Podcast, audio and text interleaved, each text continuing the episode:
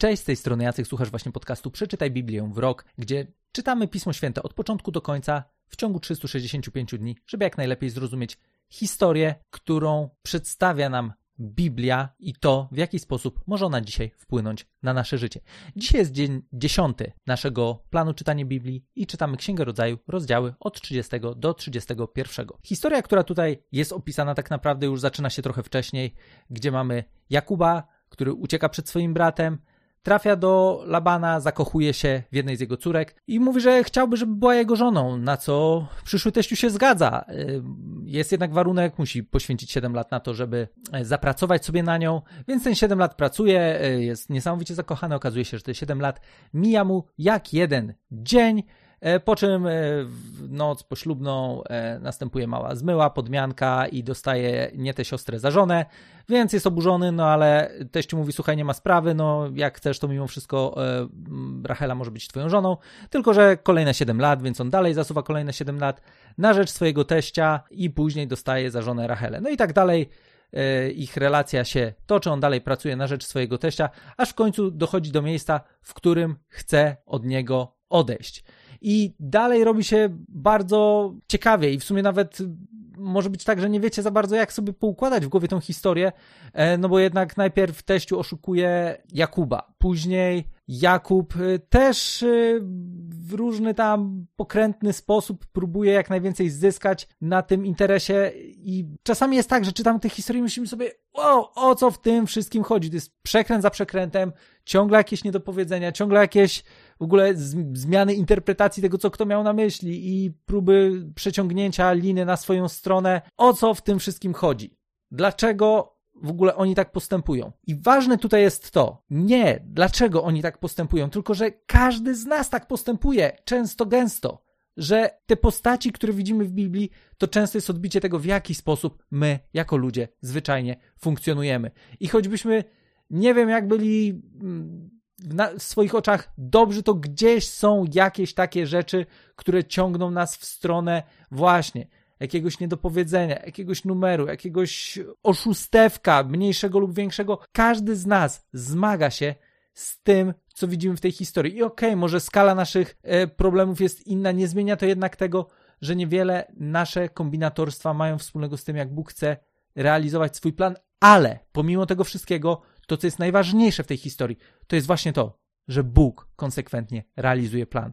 Bóg złożył obietnicę, Bóg tą obietnicę dotrzyma i przez największe przewały, które mogą się zdarzać e, w życiu bohaterów, których Bóg wybrał do tego, żeby ten plan realizowali, on mimo wszystko jest wierny swojemu słowu, jest wierny temu, co powiedział i konsekwentnie z tymi właśnie ludźmi pracuje. Konsekwentnie wykorzystuje to, co ci ludzie robią po to, żeby ostatecznie przekuć to ku dobremu. I jeżeli te historie starotestamentowe nas tak oburzają, to nie bardzo rozumiem, dlaczego nie oburza nas czasami to, co takiego wydarzyło się w życiu Jezusa z Nazaretu, kiedy kompletnie bez żadnej winy został osądzony, skazany i zabity. Często to aż w nas nie wzbudza takich emocji, kiedy czytam Biblię.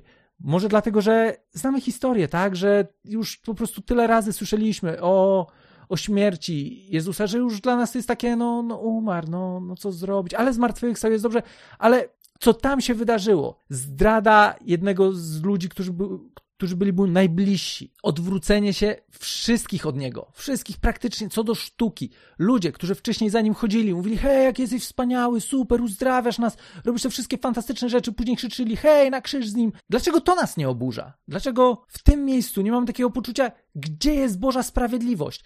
I właśnie najlepsze jest to, że w tym, co się wydarzyło w życiu Jezusa z Nazaretu, okazała się Boża sprawiedliwość.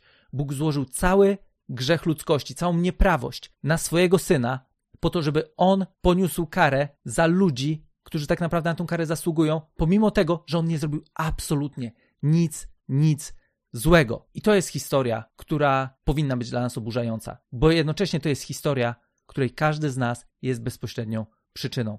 To, że każdy z nas w różnych momentach swojego życia żyje na swoją rękę, próbuje żyć po swojemu, próbuje sam dla siebie być swoim Bogiem, sprawiła, że Jezus został potraktowany jak został potraktowany, ale w tym wszystkim Bóg to, co wydawało się być z pozoru kompletną porażką, przekuł w największe zwycięstwo w historii wszechświata. Kiedy czytamy różne historie na kartach Starego Testamentu i później też pojawią się jakieś różne historie w Nowym, które mogą wzbudzać w nas emocje. Pamiętajmy o jednym: Bóg konsekwentnie realizuje swój plan. On ten plan będzie realizował i nie ma żadnej osoby, która swoim zachowaniem jest w stanie udaremnić ten plan. Możemy na różne sposoby postępować, co może się momentami wydawać, że w jakiś sposób będzie przeszkadzało, ale ostatecznie Bóg wszystko jest w stanie odwrócić na dobre. Tak jak zresztą czytamy w liście do Rzymian w 8 rozdziale, 28 wersecie, gdzie jest napisane: Wiemy też, że Bóg z tymi, którzy go miłują, współdziała we wszystkim dla ich dobra, z tymi,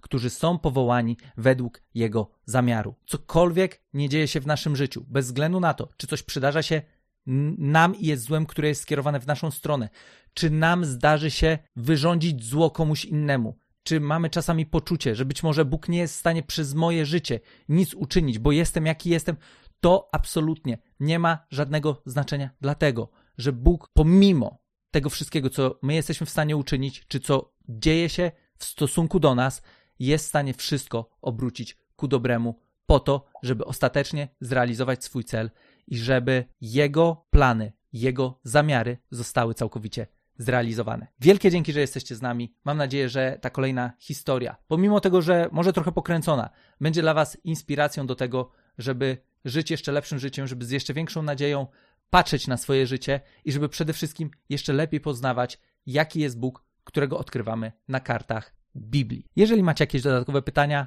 wejdźcie na stronę bibliawrok.pl, zostańcie przekierowani do grupy na Facebooku, gdzie możemy sobie wrzucać dodatkowe pytania, dyskutować na temat historii, którą czytamy. Mam nadzieję, że się tam zobaczymy, a tymczasem do usłyszenia w kolejnym odcinku.